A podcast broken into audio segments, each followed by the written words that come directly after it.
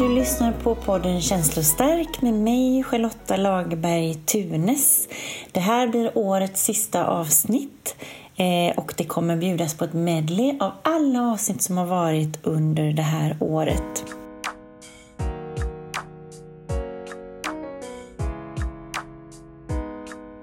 Jag vill slå ett slag för avsnittet om förväntningar som handlar om högtider och om julen. Om ni vill lyssna på hela avsnitt så gå gärna in på lottastextochskrift.se och lyssna på ett helt avsnitt. I det här poddavsnittet så får ni snuttar från alla avsnitt. Där vi samtalar om meningsfullhet, manlig sårbarhet, högkänslighet, livsenergi, energitjuvar, vårt inre barn, om vänskap, förväntningar, trauma, sorg och vad din själ längtar efter och så vidare. Så hoppas ni vill följa med och lyssna och tack till alla er som har sponsrat, tack till er som har varit med i podden.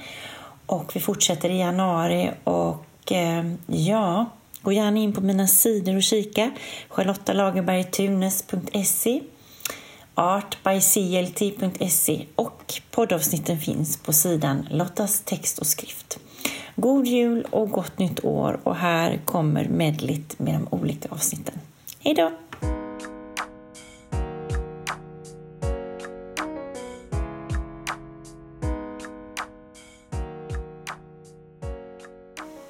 läka sår, trauman, svårigheter, läka gamla sorger. Våra tidigare erfarenheter, upplevelser som vi hade som barn kommer forma oss mycket. Både vår personlighet, värderingar, vår känslomässiga balans, självkänsla och framtiden som vuxna individer. De tidiga minnena kan bli överskuggade av rädslor eller ångest, minnen eller en flyktig barndom. Oavsett vad så följer det med oss in i vårt vuxna liv. Och vi är särskilt känsliga för de sociala koderna vi bär med oss från barndomen.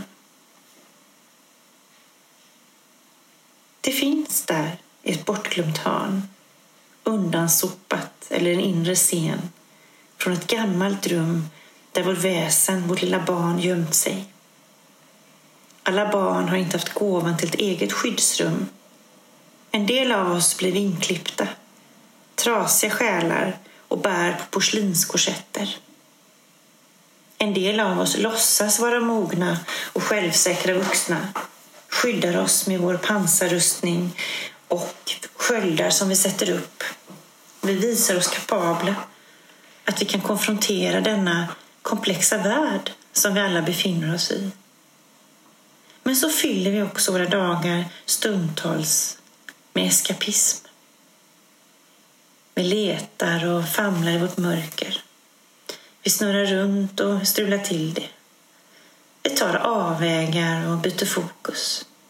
Ibland snubblar vi och ramlar.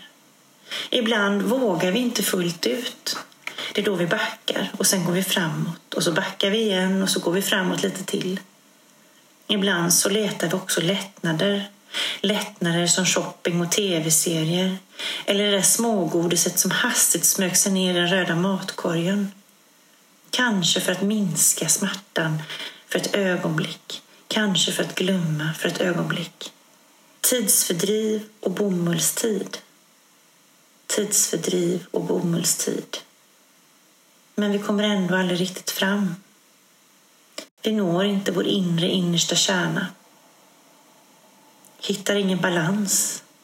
Ser inte skogen för träden. Famlar i vårt mörker.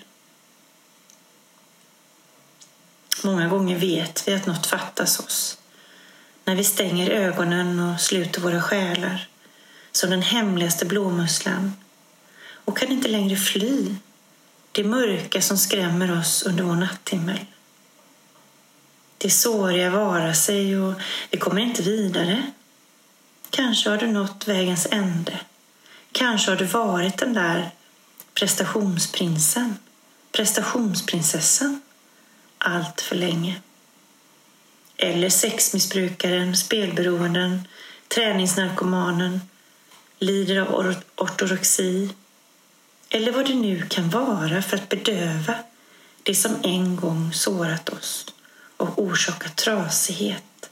Ett hål i hjärtat som inte syns utanpå men som verkar dagligen eländigt på insidan. Länge visste inte jag om att jag bar på det här inre barnet. Jag visste inte hur det mådde, hur jag bemötte det. Inte heller var det särskilt integrerat i mig. Kanske kände jag inte ens någon stor eller särskild empati för mitt lilla inre barn. Så hur lär man känna sitt inre barn? Det är jag nyfiken på. Är inte du det?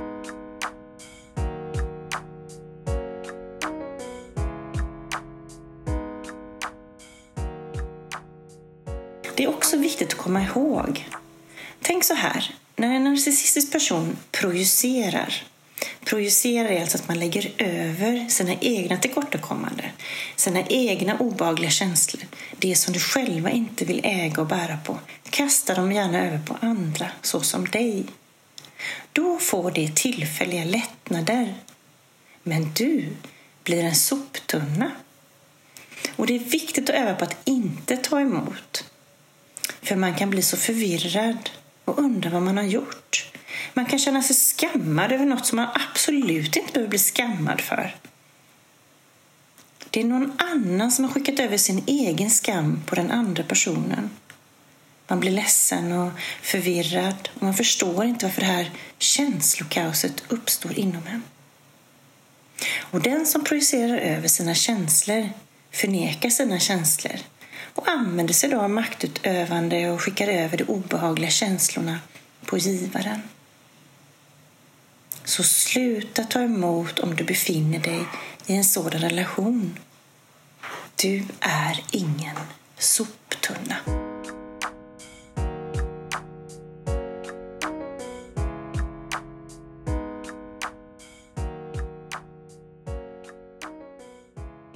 mycket i den här känslan jag beskriver om Lo.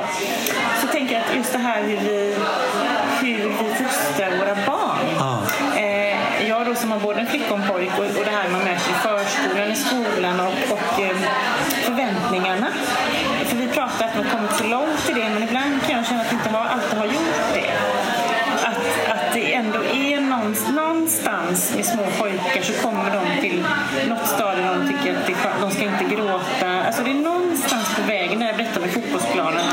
Men jag tycker det är, det är så uppenbart tycker jag att det, det, det här är någonting som man måste träna på faktiskt. Alltså det här måste man, man måste uppmuntra och träna på det. Och, och, och som förälder, eller förälder, både om man är mamma eller pappa eller ja, mm. föräldern behöver hjälpa barnet. Om vi nu tänker utifrån den toxiska max maskuliniteten då. Ja.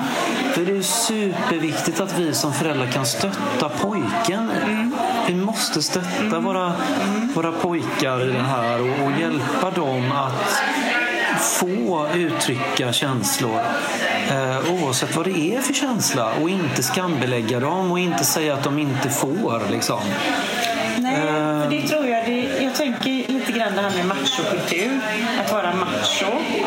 Man kanske inte ens vill vara macho. Man kanske bara... Nej. Förstår du? Ja, ja vi är ju olika. Ja, eller man kanske vill göra brorsan glad. Men så, sådär.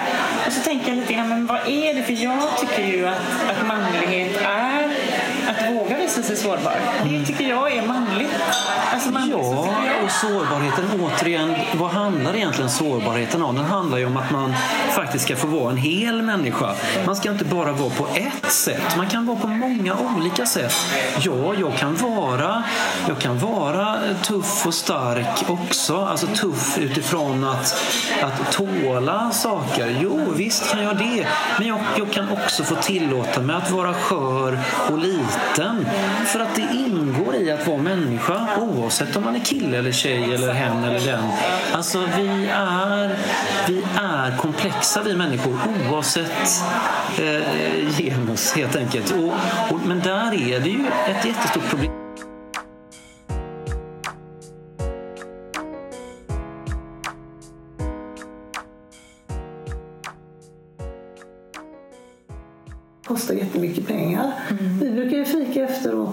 Gympan och det är också självkostnadspris. Så att det är, nej, det, är, det är mycket man kan göra. Promenader är ju gratis och ja, det finns mycket man kan hitta på. För jag tänker när jag hade min, jag har haft skrivkurs nu för Vuxenskolan, eh, Vuxenskolans förbund online under vintern här nu. Eller, ja. Och då var det ju personer från andra länder, svenskar som bor utomlands och sen var det ju personer som faktiskt var med där bara för att de kände sig väldigt ensamma mm. just för att få eh, ett socialt sammanhang då. Som skulle gå på flera sådana kurser bara just för att bryta den här isoleringen och ensamheten då och hitta en meningsfull vardag. Men då tänker jag också det här med att alla människor är ju inte föreningsmänniskor. Vissa människor finner ju meningsfullhet i en tyst skog eller orientering mm. eller att vara i natur. Ja, det finns många olika sätt sådär. Jag tänker att um, jag är ju inte heller någon, jag är ingen föreningsmänniska så, men jag tycker att meningsfullhet för mig är ju ändå det här med familjen men också det här med att att vara en kreativ person. Kreativiteten har varit en väldig drivkraft för mig att hitta begriplighet, att kunna hantera saker. Jag kan kanalisera mycket i det. Så, så man har ju olika sätt att hitta meningsfullhet på. Och en del är ju väldigt mycket så att man vill, vill göra saker för andra. Ja, jag tror att där, och där kanske man också känner att man har tid för det ja. när man är 70. Ja. Som man kanske inte hade vid 50 eller sådär. Vad tror du om det? Att, att man... Jo, det tror jag betyder jättemycket för vissa människor att jobba mm. med volontärt arbete. Mm. Jag har funderat på det också mm. men jag har kommit fram till att mina barnbarn är nog ändå viktigare. Ja. För att eh, jag har barnbarn som är mellan eh, 4 och 16. Men du har ju många barnbarn också. Ja. Du har många, så. Mm. Och jag känner att de stora barnbarnen nu de eh, frågar inte efter Nej. farmor och farfar lika mycket mm. utan det är ju de små. Det, det är ganska går fort den tiden. Mm. Och då känner jag att nej, jag vill nog prioritera det. Mm.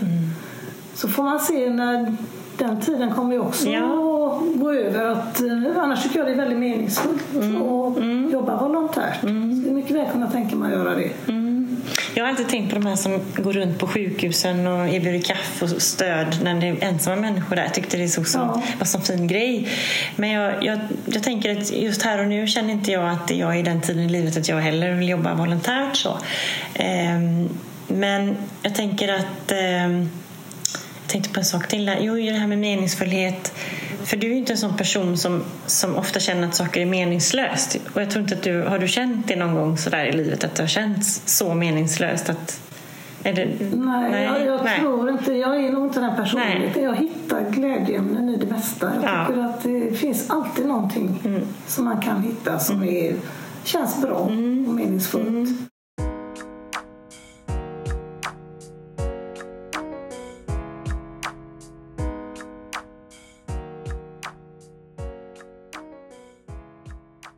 Möjligheter för att förbättra hälsan. Eh, och det här med att man kan ju hoppas att vi på sikt i alla fall får, får in det inom vanlig, vanlig sjukvård också. Ja. Det är ett av skälen till att jag har utbildat mig till undersköterska ja. för att åtminstone ha en fot i, i, ja. i den, eh, den typen av vård också. Mm. Men jag tänkte det här med vad man ska göra innan man mår dåligt om man har möjlighet. Om man nu sitter och känner att Nej, men jag var ganska bra då tycker jag, sätt dig ner, skriv ner en lista på vad är det som du mår bra av. Mm. Det kanske är som du nämnde, det kanske är skogspromenad mm. eller eh, fotbad. Jag är en varm förespråkare för aromaterapi, en god olja, alltså ett fotbad. Eller någon speciell mat eller vad det kan vara. Lyssna på musik eller vad det nu är för något. Eller omge sig med vissa typer av vänner. Så att man har den där lilla listan mm. när man mår dåligt. Mm. För då är det precis som du säger. Mm. Då säger man ja till allt möjligt och det blir så bara mycket, mycket värre. För det är ett typiskt självsaboterande mönster kan jag säga. Mm. Det är det, nästan det vanligaste som jag mm. jobbar med där. Att, ja, man borde sagt nej och så sa man ja. Mm. Så det här med gränssättning behöver väldigt, väldigt många hjälp Det möter man ju med många högkänsliga med som har mm. jättesvårt för det. Och det är ju en prövning varje dag. Liksom att, ehm, för som du säger, om man blir väldigt trött av en behandling så ska man ju gå hem och sova och verkligen tillåta sig det där. Att, mm. nej men, för det gör man ju ofta i terapisamtal. Man kan ju jämföra det lite grann. Mm. Då är man ju väldigt trött och så går man hem. Det ska man göra, kunna göra också efter en sån här behandling. Ja ge sig själv den tiden, en kopp te och så vara var i sig själv i den här bubblan. Då. Mm. Så. Mm. Har vi något mer som vi ska? De, de, stora områdena som man jobbar inom hos mm. alltså De flesta mm. kommer till mig för mm. liksom med att de har ont i axeln eller mm. ont i knät. Eller ont i ländryggen är ju jätte, jättevanligt. Eh, men det som man, när man har jobbat en liten stund, vad, vad jag ser att människor alltid jobbar med, det ligger på det känslomässiga planet och då är det guilt, alltså skuldkänslor, control, Eh, och det är lite det här just när man har kontrollförlust. Då, då blir man, när man blir stressad så tappar man kontrollen och så försöker man mm. återta den genom att göra ännu fler dumma saker. så att, det här kan man få hjälp att släppa på. Guilt och control eh, och sen är det ett par andra områden. Och sen det sista är fear of transformation, alltså rädsla för förändring. För där måste jag stanna dig igen då, mm. för det är ju det som är jag tänker alltid i skavet och i mellanrummet, det är då det händer. Mm. Fast vi avskyr att vara i det här mellanrummet. Och eh, ibland måste vi vara i det mellanrummet som är jättejobbigt och skavigt. Mm. Då tänker jag, det är också bra när man just stöttar upp med sådana behandlingar för att det hjälper det lite. Mm. Alltså kom, det här att komma vidare. Ja.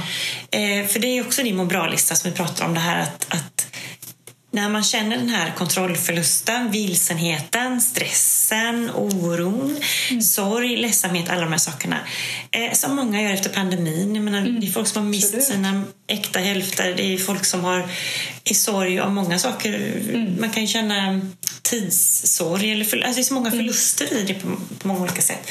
Men då tänker jag just det här att att det är så bra om man är i det här mellanrummet och känner det här skaviga som är, jag tycker själv att det är så jättejobbigt att vara där.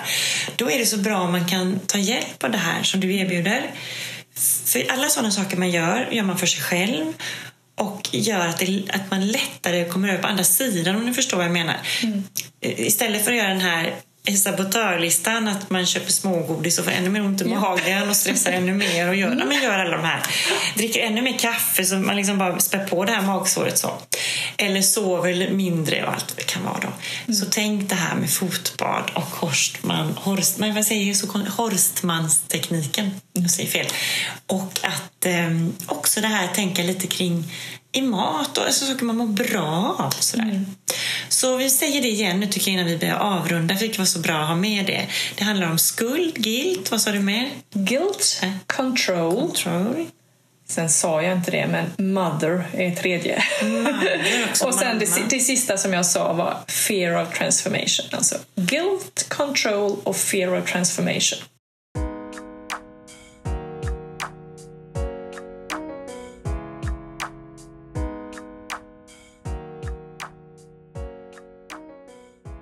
Nej, men det, det är jätteintressant. Och sen tänker jag också så här, finns det någonting som heter eh, åldersförväntningar? Förstår du jag tänker när jag säger det, åldersförväntningar? Att man ska ha uppnått en viss, när man är 50 eller när man är 40 eller det här tjatet som är när man är ung att eh, men ska du inte skaffa ett barn till? Och, va? Är ni inte gift? Ska ni inte gifta er? Och, va? Har ni, inte, har ni ingen bil? Har ni inte, alltså det här mm. vuxenpoäng. Det är så, vi, vi är ju ganska fångade ja, där ålders... Ja. Så tänker jag. Finns ja. det några förväntningar i det då? Att man förväntar sig av en 30-åring? Man förväntar sig av en 60-åring? Eller ja, nej men jag tror att alla förväntningar som kommer liksom utifrån eller mm. till en utifrån eh, konventioner mm. är ganska mycket av ondo skulle jag säga. Mm. Um, för att om man inte lever upp till dem så, mm. så blir det skam som du säger. Både man själv skuldbelägger sig och mm. andra tycker att man inte har lyckats. Så att, hur bryter man det så att man blir fri i själen? Och kan, hur, hur lär man sig att känna efter vad vill jag? Mm. Um, och vad ska jag göra mm. av mitt 50-årskalas? Mm. Eller min julafton? Mm. Eller min semester? Eller denna våren? Vad vill jag?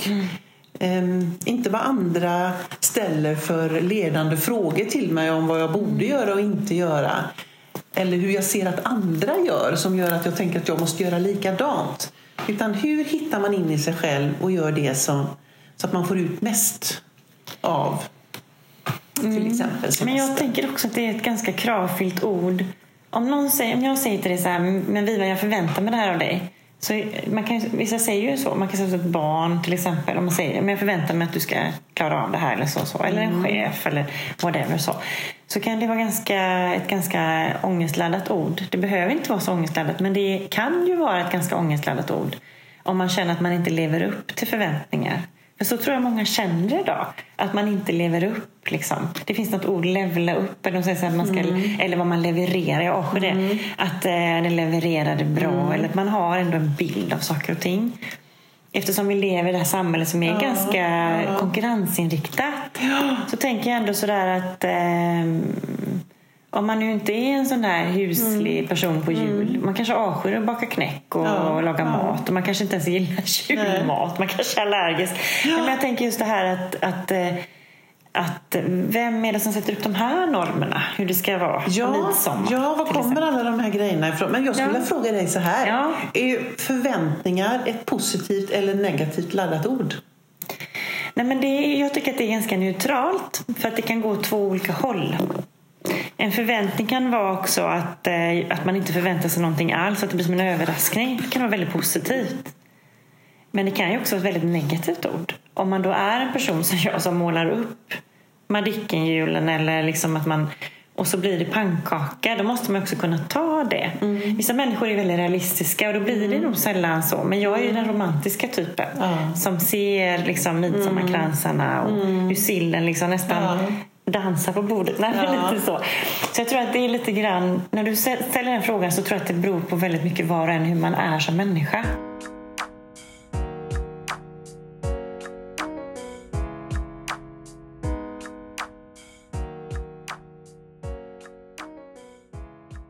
Min man ofta säger att jag ser livet som att man att man lever på jorden samtidigt. Så jag ser det som ett. Att jag pratar med alla. För att vi är här samtidigt. Då kan man prata med vem som helst. Och så upplever jag ju dig också.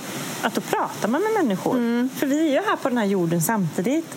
Så tänker inte min man. Han tänker att det är främlingar. Man pratar inte mm. liksom... Ja, han tänker på ett annat sätt.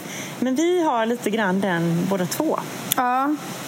Och det tycker jag är väldigt, eh, ska säga, det är väldigt spot on när man är i Göteborg. Så nu när vi är på Styrsö. Mm. Då, går vi runt och pratar med alla. Mm. När vi var på Konstrundan, när vi mm. satt nu och käkade lunch. Mm. Men i Stockholm är det inte en sån attityd. Där är det att man inte, det är inte lika göteborgskt om jag får säga så. Jag märker av skillnad mellan Göteborg och Stockholm. I Stockholm är det lite mer attityd. Fast vi gör ju det när vi är i Stockholm ja, också. Och det var det jag ville komma till nu. Mm. Så när du kommer till Stockholm när vi går ut, mm. då tycker jag det är så skönt. För då känner jag, ja ah, men gud, nu kan jag vara lite göteborgare igen. Men jag är inte likadan i Stockholm. Det har jag inte tänkt ja. Kommer du ihåg när vi var på den här som du alltid, har du jobbat där? Vi var på någon restaurang och så satt ett jättegulligt kärlekspar bredvid som skulle ja. bryta upp för de skulle göra helt olika grejer i livet. Ja. Hon skulle plugga och han, well I play the drums. Han var så här lite ja, vilsen så. Och så slutade vi att vi satt och pratade med dem och sen kom ju servitören också och pratade med oss. Som, han den där blonda som vi alltid har. Ja. Det är ju lite lustigt ändå. Ja. Ja. Ja, det var faktiskt en jättespännande kväll. Jag tror det var att vi var på Chow Chow då. Ja, men det, vi går ju mm. ofta dit till ja. samma ställe sådär. Ja. Men jag, jag tycker ju så här att dina bästa sidor är ju egentligen att du har det här lätta... Alltså jag kan tänka mig, nu har ju du ett väldigt sånt utbildande sätt i ditt jobb och när du kör yoga. Alltså det här att du, du har um, en ledarroll. Liksom. Du är ju, du är ju stora syster, jag är ju lilla syster. Det har ju mm. också lite ja. sådär. Um, men just det här att du har ju mycket driv, går väldigt fort och lätt. Liksom, det blir aldrig de här det blir ganska snabba, korta puckar sådär. Ja. Det blir inte så omständigt. Eh, och det tycker jag är väldigt skönt. Och sen så är vi också, vi har en ganska rak kommunikation. Jag tycker inte att vi har sådär så mycket konflikter, att det blir sådär kattigt eller tjejigt som det kan bli. Det kan ju bli det i med mm. Eh, tjej, sån vänskapsrelation, att det blir eh, ja, men lite tjaff, lite sådär... Eh, hur ska jag förklara det då? Förstår du vad jag menar när jag säger det? Lite drama. Drama kan det, det blir det inte så mycket Nej. mellan oss. Nej, jag tycker inte det. Det är ganska rakt. Och sen såklart, nu träffas vi inte lika mycket. Men jag tänker, det har ändå alltid varit, när jag bott i Göteborg i de omgångarna, att det har varit ganska sådär ganska så lätt och ganska så ofta att vi är ganska många. Jag upplevde även det när vi pluggade, att jag var med dina studentkompisar. Och, men att du kände mina. Alltså att det aldrig varit det där alltid bara du och jag så har jag inte upplevt. Liksom. Nej.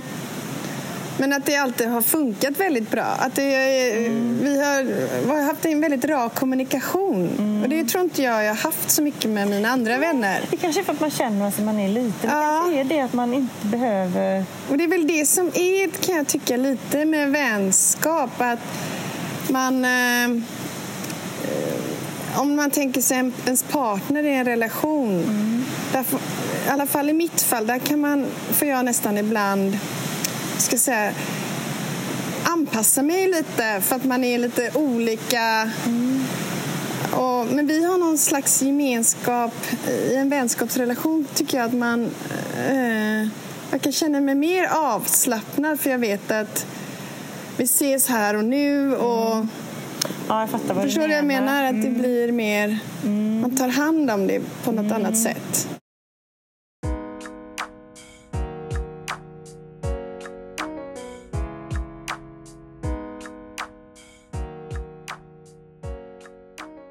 Låt oss stanna vid det ordet ett slag. Många av oss högkänsliga känner in energier. Vi känner in dem så starkt att vi ibland får en ökad oro i kroppen. Kanske behöver du stanna upp och sortera bland energierna. Är det mina energier? Är det dina energier? Ja, man kan helt enkelt smittas av någon annan. Känslosmittas. Att lyssna till hjärtats röst och känna att svaret finns där, att vi bär på det inom oss. Det blir oftast det bästa sättet när det leder oss hem genom hjärtats röst. Men så kommer tvivlet ångandes.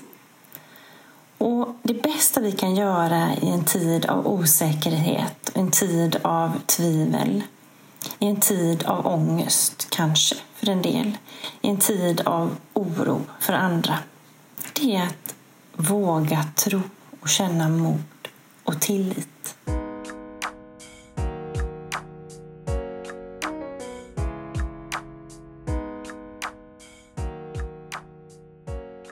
När vi tror att smärtan som är svår aldrig kommer försvinna. När vi gör allt för att döva den. Och när vi tror att det blir, aldrig kommer bli bättre igen. Vi börjar fly sorgen genom att skapa tillfälliga lättnader. Ni vet, shopping, godis, mat, alkohol. Vi blir destruktiva.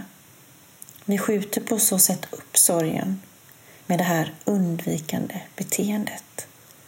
Jag tänker också på alla de här gastrobypassoperationerna som görs. Man stryper matsäcken och personen kanske blir smal men om man har ätit av sorg så försvinner ju inte sorgen. Sorgen finns ju kvar.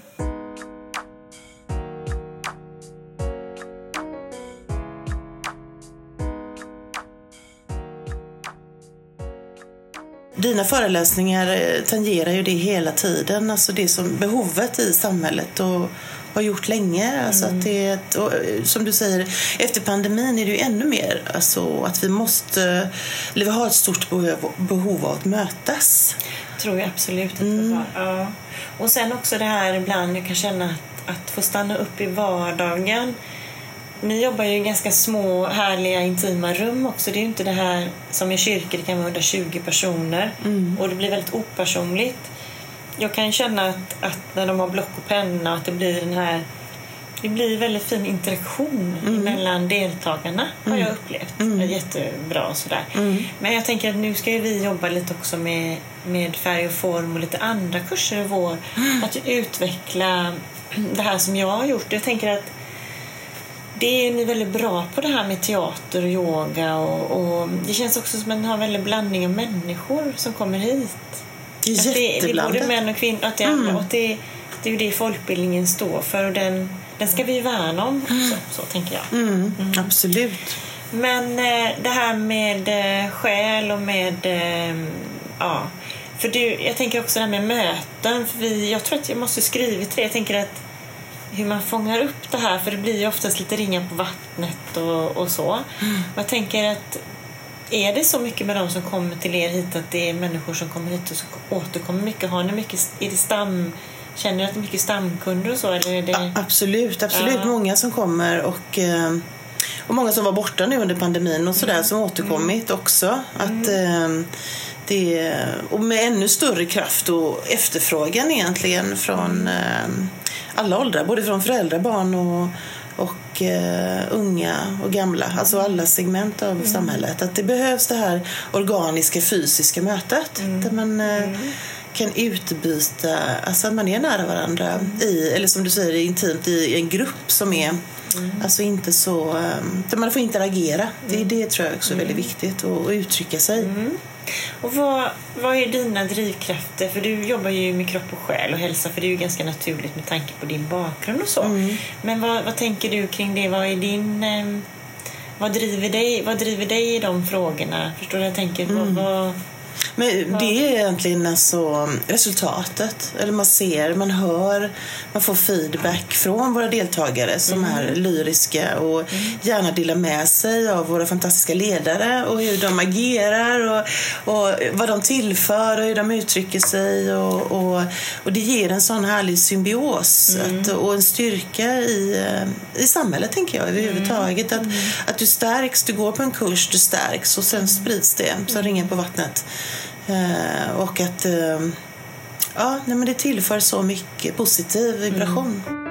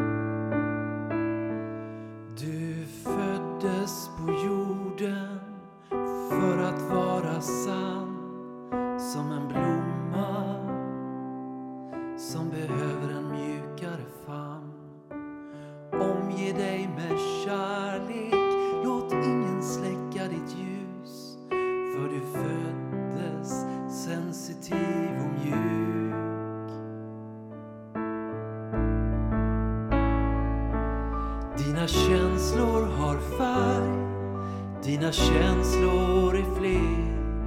Du ser det som andra missar innanför himmelen går ner. Dina känslor har färg, dina känslor de är fler.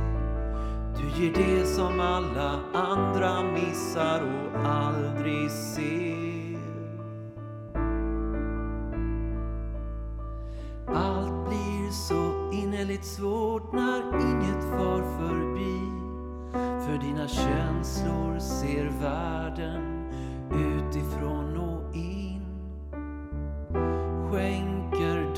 dagen breda penseldrag som kan göra dig svag.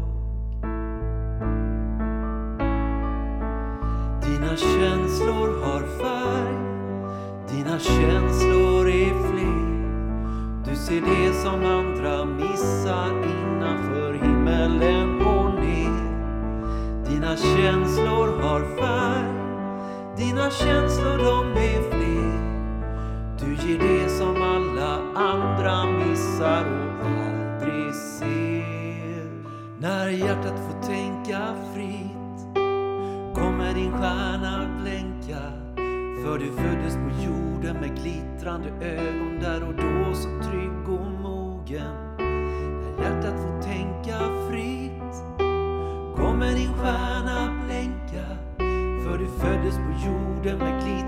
ögon där och då så trygg